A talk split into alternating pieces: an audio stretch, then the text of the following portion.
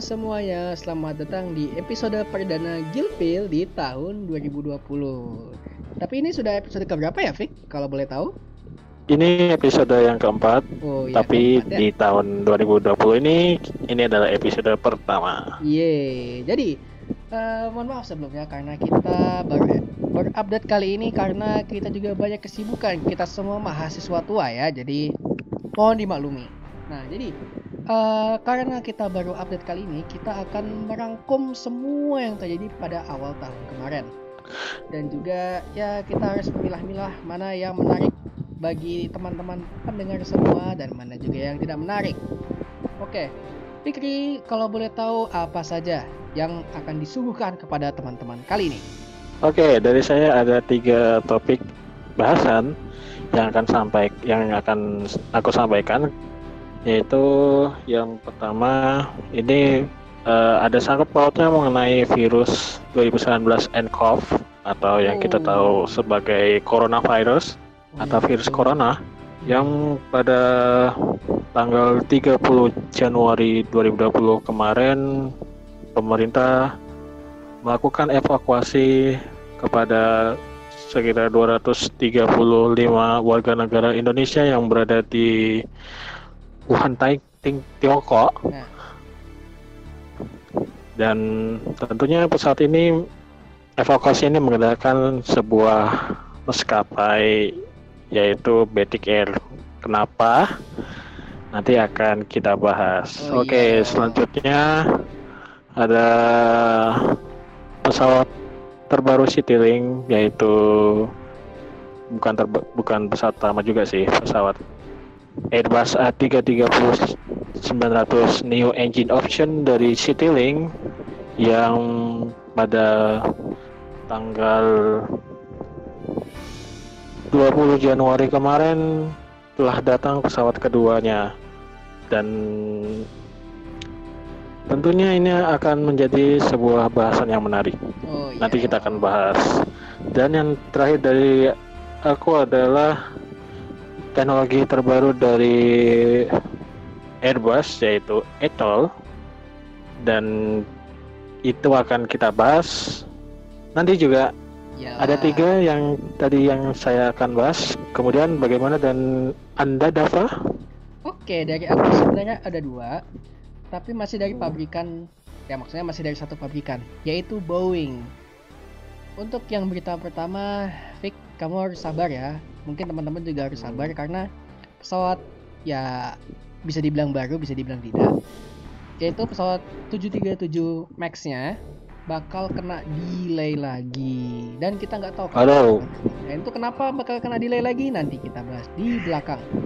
Dan selanjutnya Oke. kita ini bak- ini masih ada euforia nih, masih yang kemarin-kemarin nih. Mhm. Uh, soalnya kita, soalnya ada pesawat baru Boeing yang terbang. Dia bukan 737 Max, dia bukan 747 yang baru, tapi mesinnya lebih Hmm. gede dari 737 Max dan Hmm, sayapnya aku tahu nih. Wah, apa itu? Eh, Aku tahu nih. Jangan, jangan, jangan, spoiler, jangan spoiler. Oke oke.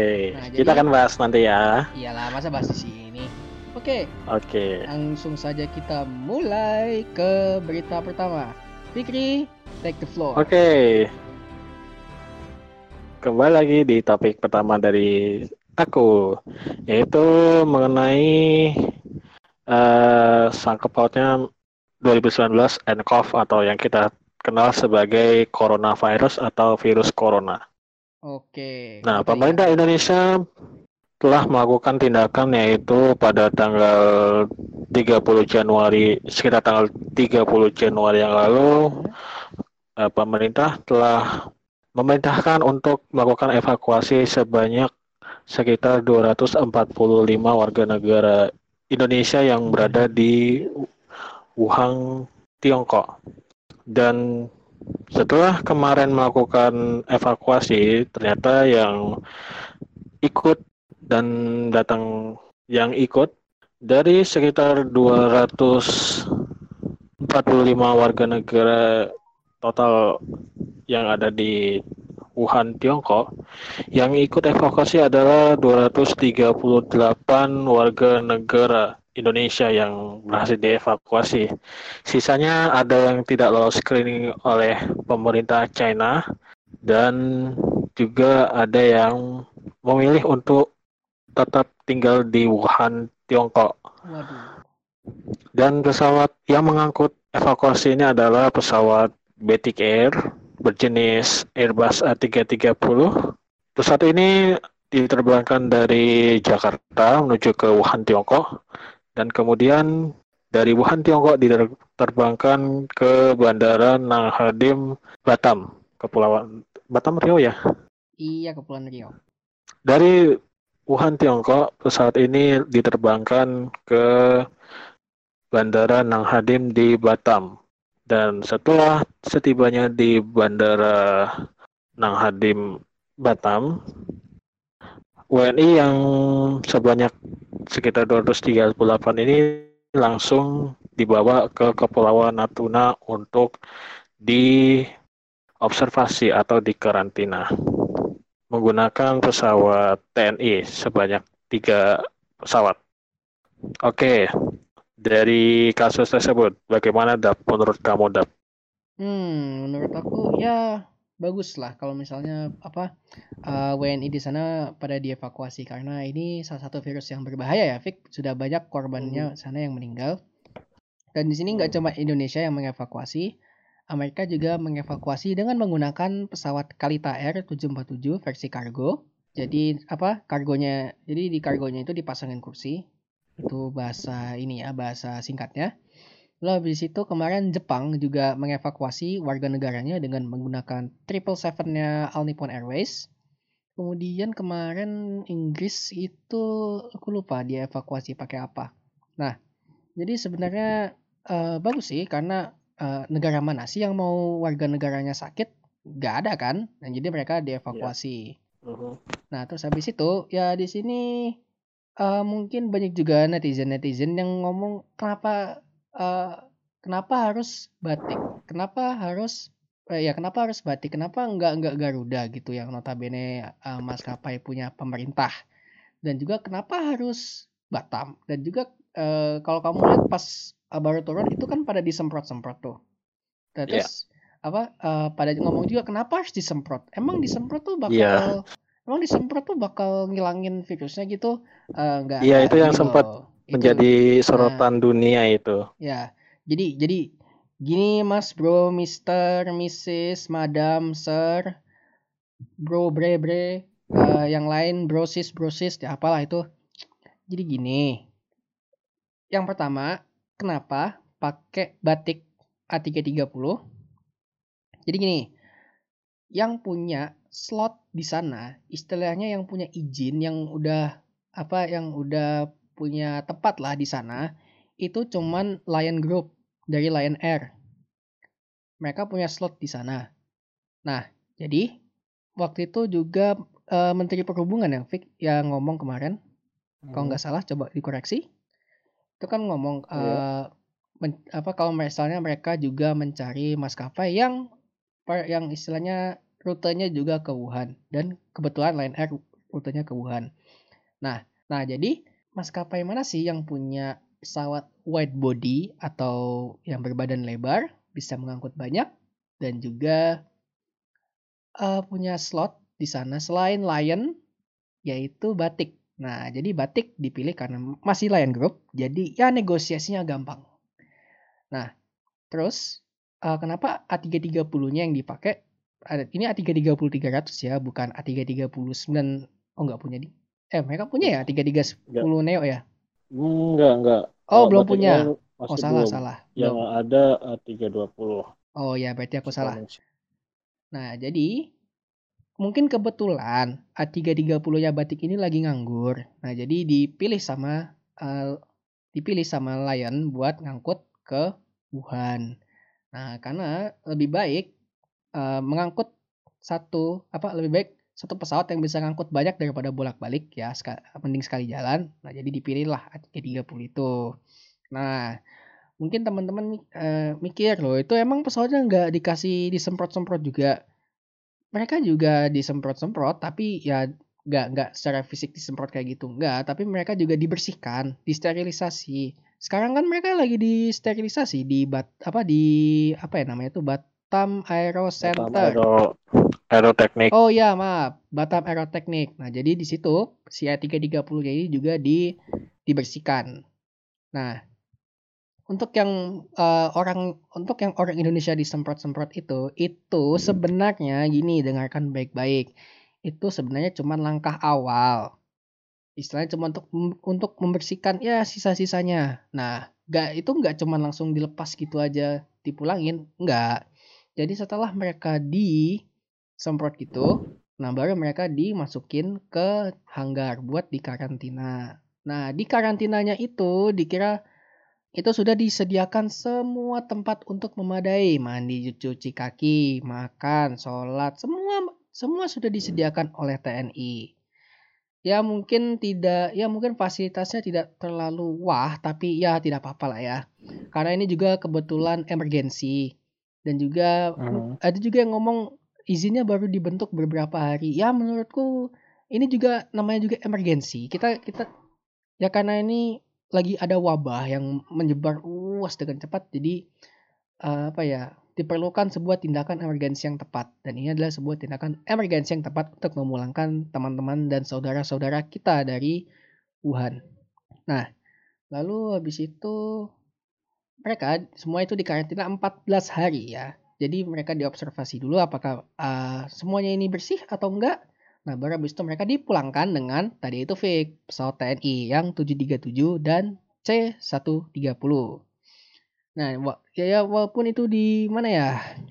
Walaupun itu sebenarnya banyak juga protes tapi aku bingung mereka tuh protes kenapa sih? Yang dipulangkan ini adalah warga negara Indonesia, orang asli Indonesia, bukan orang bukan orang warga negara lain, tetapi warga negara kita sendiri, teman kita sendiri. Nah, ya mungkin aku mengerti bahwasannya ini lagi banyak paranoid-paranoid tentang virus ini. Tetapi virus ini ya, menurut sepengetahuanku tidak menular lewat uh, kayak misalnya baju gitu terus virus yang nempel gitu enggak. Jadi virus ini cuma menular lewat saluran pernafasan atau mungkin juga mungkin kemarin yang apa lewat mata tapi sebenarnya itu kayak uh, virusnya itu masuk lewat mata. Jadi mungkin ada orang bersin terus habis itu masuknya lewat mata. Jadi kurang lebih seperti itu. Ya jadi seperti itu Fik. Jadi mereka semua di karantina, di observasi apakah mereka ada yang kena virus atau enggak. Begitu juga dengan pesawatnya, begitu juga dengan kru-krunya. Bahkan pilotnya pakai baju hazmat loh Fik gitu. Kalau kamu yep. lihat. Yep. Dan nah. tidak hanya itu ya, petugas kesehatan bahkan pramugari dan pramugara yang bertugas saat itu juga menggunakan baju pelindung baju antivirus. Bukan baju antivirus, baju baju hazmat lah ininya intinya.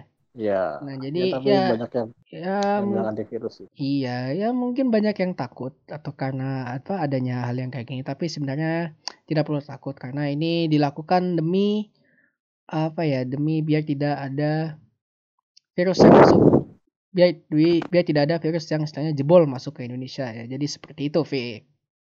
Oke, oke. Udah dap? Selanjutnya. Oke, selanjutnya ada berita kedua yaitu pada tanggal 20 Januari yang lalu pesawat Citylink yaitu Airbus A330-900 New Engine Option yang kedua baru saja mendarat dari Toulouse Toulouse. Toulouse Toulouse. Sorry. Ya Toulouse ke Jakarta dan itu memang sudah banyak yang dari komunitas voters pun sudah ada yang menangkap pesawat ini mendarat di bandara bandara Cengkareng ya dok Iya, Cengkareng. Dan kalau kita lihat uh, pesawat ini memang masih belum di paint, di painting seperti aslinya. Karena pesawat ini adalah pesawat bekas dari maskapai Wow Air Ooh. yang beberapa pesanannya diambil alih oleh Citylink. Oke, Dap. Bagaimana pendapatmu Dap tentang pesawat uh, pesawat Neo kedua punya Citylink ini? Oh, mana ya? Hmm, menurutku bagus-bagus aja ketimbang batik eh ketimbang batik ketimbang Citylink harus mesen lagi dari awal tanda tangan bla bla bla bla. Ya mending karena Wow Air ini dia udah bangkrut. Nah jadi istilahnya pesawatnya yang dibikin ini dia ini yatim piatu. Dia tidak yeah. punya dia tidak punya orang tua dan orang tua yang dimaksud ini adalah maskapai. Nah jadi istilahnya Citylink ini mengadopsi A330-nya Wow Air.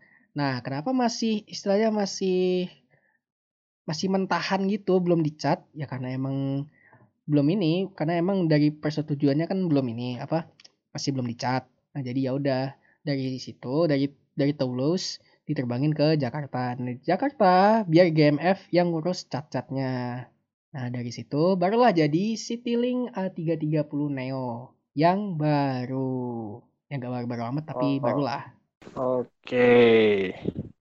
Selanjutnya yaitu topik ketiga yang akan kita bahas yaitu uh, teknologi terbaru dari Airbus yaitu Airbus nama ini adalah ATOL singkatan dari Autonomous Taxiing, Take Off, and Landing. Nah, jadi dari namanya saja ini autonomous atau yang kita sering uh, kenal sebagai autopilot yang di mana pesawat ini bisa uh, melakukan taxing, take off, dan landing secara autopilot tanpa ada kontrol dari manusia atau pilot dan co-pilotnya. Uh, teknologi ini diperkenalkan Airbus melalui sebuah video yang diunggah di akun YouTube-nya Airbus pada tanggal 17 Januari 2020 dan kalau kita lihat video ini, video yang di-upload oleh Airbus ini, kita bisa melihat bagaimana cara kerja dari ITAL ini yaitu menggunakan sensor yang beberapa sensor yang terletak di mungkin bisa dikatakan ini di bawah di bagian bawah pesawat. Kemudian sensor itu mendeteksi bagian tengah dari runway dan cara kerjanya ini mungkin untuk agar tetap pesawat ini berada di tengah tengah runway. Oke. Okay. Dan kemudian kalau kita lihat lagi pesawat ini bisa take off dengan sendirinya tanpa disentuh oleh pilotnya. Nah, kalau kita lihat dari teknologi tersebut mungkin memang pesawat teknologi mas menurut saya teknologi ini merupakan sebuah inovasi terbaru hmm.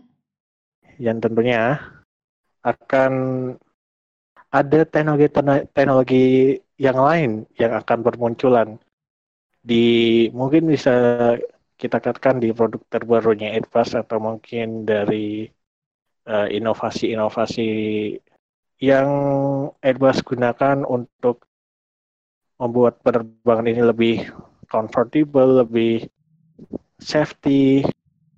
Dan kalau kita lihat ini pesawat yang digunakan untuk menggunakan ETOL ini adalah pesawat jenis Airbus A350. Yes. Si pesawat baru. Yang di mana memang merupakan pesawat yang bisa dikatakan baru dari Airbus dan tentunya ini akan jadi sebuah benchmark untuk uh, produsen pesawat ke depannya untuk terus mengembangkan teknologi teknologi terbaru yang mungkin lebih inovatif dari uh, sebelumnya. Jadi bagaimana menurutmu, Dav? Menurutku ini keren juga sih. Ada apa? Uh, bisa take off maupun taxing ya soalnya namanya dengan secara autonomous hmm. atau secara mandiri Ya menurutku ini bagus juga karena ya dengan adanya sistem autonomous ini bisa istilahnya mengurangi workloadnya para pilot. Karena ya seperti yang kita tahu kalau misalnya pesawat yang apa long haul atau yang penerbangan jarak jauh itu kan waktunya habis di udara. Nah, itu mungkin bisa membuat para pilot atau pak ya mungkin lebih tepat lebih eh lebih apa ya lebih lebih tepatnya para pilotnya itu membuat mereka jadi capek kan mereka harus terbang berjam-jam hmm. duduk di kokpit ya dengan adanya sistem ini bisa mengurangi workloadnya. Jadi apa uh, bisa mengurangi capeknya sang pilot ini. Walaupun hmm. sebenarnya ini juga ini uh, sebuah langkah yang lebih apa sebuah satu langkah ke depan untuk pesawat yang benar pesawat yang benar-benar autonomous. Ya, walaupun sebenarnya uh, walaupun seberapa autonomous pesawat itu manusia atau kru itu juga diperlukan karena karena ya kita tidak tahu apa yang terjadi di udara kan. Bisa jadi ada sebuah kegagalan sistem cuaca yang buruk sehingga mengganggu sistem cuaca yang buruk atau mungkin halangan-halangan lainnya yang di mana membutuhkan intervensi manusia langsung. Nah jadi ini bagus bagus. Apalagi tadi yang kamu bilang apa uh, sensornya itu di bawah pesawat ya mungkin lebih tepatnya di hidung. Aku lihat sendiri kayak mereka kayak angkat tangan wow udah pas pas lagi apa take off roll angkat tangan uh. set mereka terbang sendiri wow aku lihat wah keren juga ya Iya. Itu semua ada di videonya Airbus yang tadi yang yang sambil mereka merupakan sebuah inovasi terbaru dari Airbus itu tadi. Iya, makanya itu Vic, kita apa di komunitas di komunitas aviasi ini nyebut kalau Airbus itu adalah robot terbang. Ya karena itu. Uh, ya. Kan? Ya, inovasinya cukup cukup itu ya. Cukup, cukup. bagus, cukup ya itulah. Oke. okay. Sudah ada tiga topik yang saya bahas. Dua topik akan saya serahkan ke Dava. Silahkan Dava. Oke, jadi dari aku nih ada dua topik dari satu pabrikan penerbangan, eh satu pabrikan pesawat maksudnya, yaitu Boeing. Hmm, yang pertama ada apa? adalah Max 737 Max yang di mana kayaknya harus tertunda lagi fake ini, sabar ya. Ah, wow. Nah, jadi Kenapa tuh? Menurut berita yang dilansir Engadget pada tanggal 18 Januari kemarin, Boeing juga menemukan sebuah kesalahan atau sebuah cacat dalam perangkat lunak atau softwarenya ini. Yang di mana uh, cacatnya ini tidak hanya mengganggu sistem penerbangan pesawat saat begitu dia terbang, tapi juga bahkan yang ini yang paling parah adalah bahkan bisa membuat pesawat itu tidak bisa terbang sama sekali. Nah, jadi ini Boeing sedang memikirkan bagaimana caranya bisa untuk uh, memecahkan masalah ini gimana caranya pesawat ini agar terbang lagi ke udara karena kita semua mana ya Fik soal Max ini uh, sudah ditunggu-tunggu gitu loh. Padahal ya sebenarnya gimana ya? Kalau kamu lihat Fik di pabrik Boeing ya di Boeing Everett itu semua tempat mau itu apron mau itu taxiway mau itu bahkan parkiran bahkan parkiran mobilnya parkiran mobil gedung sana itu udah oh. penuh sama 737 Max semua. Isinya Max, 737 Max, 37 Max, 37 Max. Karena oh. begitu pesawat itu sudah selesai diproduksi, ya udah langsung ditaruh di langsung ditaruh di tempat tadi, ya udah nggak diapa-apain. Mereka sambil menunggu apa, perbaikan sistem. Enggak, dan kita nggak tahu walau alam bisawab itu kapan pesawat lagi bakal terbang. Sangat sayang sekali ya Fik mendengar berita ini. Jadi gimana Fik menurutmu nih Fik? Oke. Dengan adanya ini saya harapkan kita harapkan ya bahwa Boeing akan memperbaiki softwarenya mungkin tidak hanya software aja ya Dap. Iya. Mungkin dari uh, dari segi bentuk atau mungkin dari ya dari mesin atau pokoknya kita sangat berharap bahwa dengan adanya delay ini berarti bukan berarti bahwa produk itu adalah produk yang apa ya bisa banyak yang orang bilang itu ada produk gagal nah. tapi tapi se sebetulnya produk ini perlu perlu lebih menyempurnakan menyempurnakan uh, sisi-sisi yang mungkin bisa dikatakan bahwa itu adalah sisi yang sangat vital banget. Yes. Seperti software atau dari sisi interior, bentuk, dan tentunya ini sangat-sangat sangat-sangat uh, memberi kesempatan memberikan buat Boeing untuk lebih berbenah.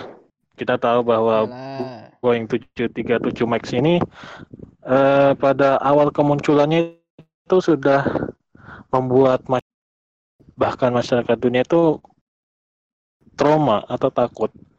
Ya. Yaitu apalagi dengan kabar pesawat Lion Air yang jatuh oh, iya. di perairan, terus kemudian uh, pesawat apa dong? Ethiopian Air kalau nggak salah. Yang waktu ya, Ethiopian Ethiopian yang sama-sama menggunakan jenis 737 Max dan tentunya itu berselang nggak lama ya dap? Sekitar yes. dua bulan. Ya pokoknya juga waktu apa hmm, pokoknya selang waktu di antaranya itulah cepat. Iya. Pendek-pendek dan tentunya kita kita sangat harapkan bahwa itu ada kesempatan bagi Boeing untuk tetap berbenah. Karena itu sudah menelan banyak korban jiwa. Apalagi itu adalah produk terbarunya Boeing dan begitu saja menurut menurut Kudap. Oke, terima kasih Fikri. Nah, selanjutnya kita sudah sudahi dulu yang sedih-sedih gitu ya. Sekarang kita mau uh, senang dulu, kita mau happy karena Boeing masih kita masih ngomongin Boeing. In, karena Boeing juga uh, kemarin sum, sempat meluncurkan perdana ya mungkin lebih tepatnya penerbangan perdana yaitu Boeing 777X yang di mana seri pertama 777-9 yang terbang ke udara kemarin pada tanggal 25 eh salah. 20 bentar bentar. Pada tanggal 26 Januari kemarin yang sebelumnya memang dijadwalkan pada tanggal 25 atau mungkin 24 itu aku agak-agak salah tapi sempat uh, diundur karena masalah cuaca. Nah jadi memang aku bilang ini lebih apa mesinnya lebih gede dari 747 dan ini bukan 737 Max karena tenang, tenang, oh. tenang teman-teman di 777X ini tidak ada sistem MCAS. Jadi alhamdulillah. Lalu habis itu mesinnya hmm. juga lebih gede dari 747 tadi aku bilang. Karena mesin yang baru ini GE9X ini dia apa uh, lebih efisien dan juga lebih bagus lah dari mesin sebelumnya dan ini Pik, ada satu hal yang lucu. Mesin ini apa itu? gedenya, diameternya setara dengan diameternya ya bahkan lebih gede malah dari Boeing 737 pada umumnya. Jadi gede banget mesin. Iya, jadi ini mesin lebih gede dari 737 dari pesawat 737 hmm. malah. Uh-huh. Nah, jadi apa? Uh, oh iya, aku lupa ada satu sistem baru yang diperkenalkan Boeing pada 777X ini, yaitu hmm. folding wings. Nah, jadi supaya si 777X ini muat di bandara di bandara seluruh dunia. Jadi sayapnya paling ujungnya itu dilipat. Nah, jadi kalau teman-teman kayak tahu pesawat tempur yang ada di kapal induk kayak F-18 Hornet atau mungkin A6 Intruder, IE-6 Prowler itu kan mereka biar uh, muat di kapal induk itu kan sayapnya dilipat. Nah, kurang lebih mungkin Boeing juga belajar dari pesawat-pesawat tempur yang di kapal induk ini. Nah, jadi supaya muat di bandara, sayapnya dilipat. Nah, jadi begitu. Nah, ini hmm. sebuah teknologi baru dari Boeing nih, keren juga ya. Gimana menurut Mufik yeah. dengan 777X ini yang baru keluar nih? Masih hot. Oke, okay. tentunya ini adalah produk yang ditunggu-tunggu. Sebenarnya udah uh, diperkenalkan oleh Boeing di tahun 2013 Uh, lama juga ya? Ya. Dan itu Boy memperkenalkan melalui sebuah video YouTube di YouTube. Selain dia mengenalkan Boeing tu produk masa depannya itu Boeing 737 Max yang saat ini yang sedang bermasalah. Iya. Tapi juga ada yang white body yaitu 777X uh. yang tentu ini akan menjadi salah satu uh, hal yang paling ditunggu-tunggu oleh uh, penggemar aviasi yang sebagian besar penggemar aviasi terutama ini akan salah satu menjadi benchmark buat pesawat-pesawat berikutnya yang tentunya akan menggunakan konsep yang canggih juga. Tadi seperti tadi yang disebutkan oleh Dapa, Yes. bahwa pesawat ini menggunakan teknologi folding wings. Folding wings, Vic. Fall, fall kan? Folding wings, yes. Fall, bukan fall, Ya, folding wings. Yes. Yang di mana itu adalah mekanisme eh, sayap pesawat yang bisa dilipat. Itu tergantung dengan kondisi bandara. Yes. Karena kita tahu ya bahwa panjang sayapnya Boeing ini panjang banget ya. Iya, lebih panjang dari si 747. Ini adalah apa ya?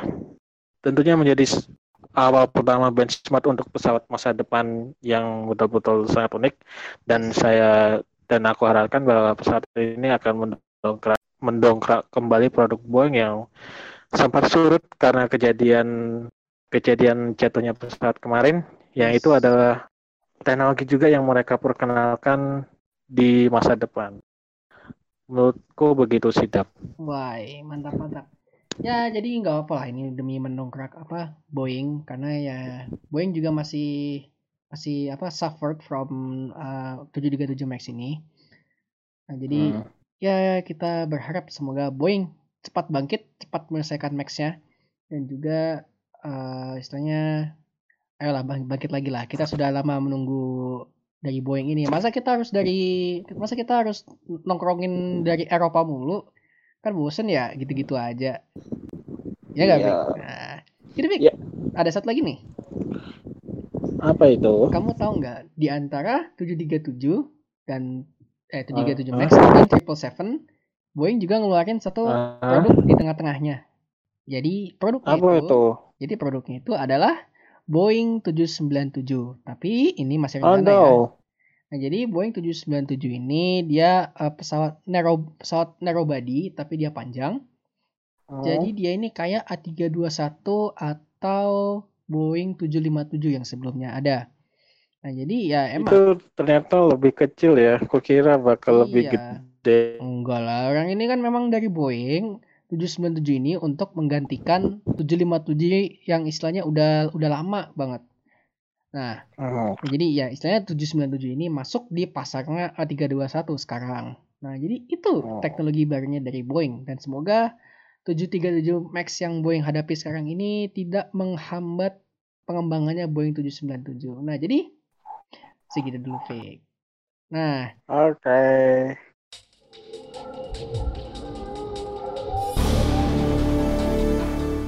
Nah, oke, jadi begitu dulu teman-teman berita yang kami sampaikan pada episode kali ini. Dan kami dan ya kami berharap teman-teman di sana semua sehat dan jangan lupa untuk jaga kesehatan, minum air putih dan jangan lupa makan.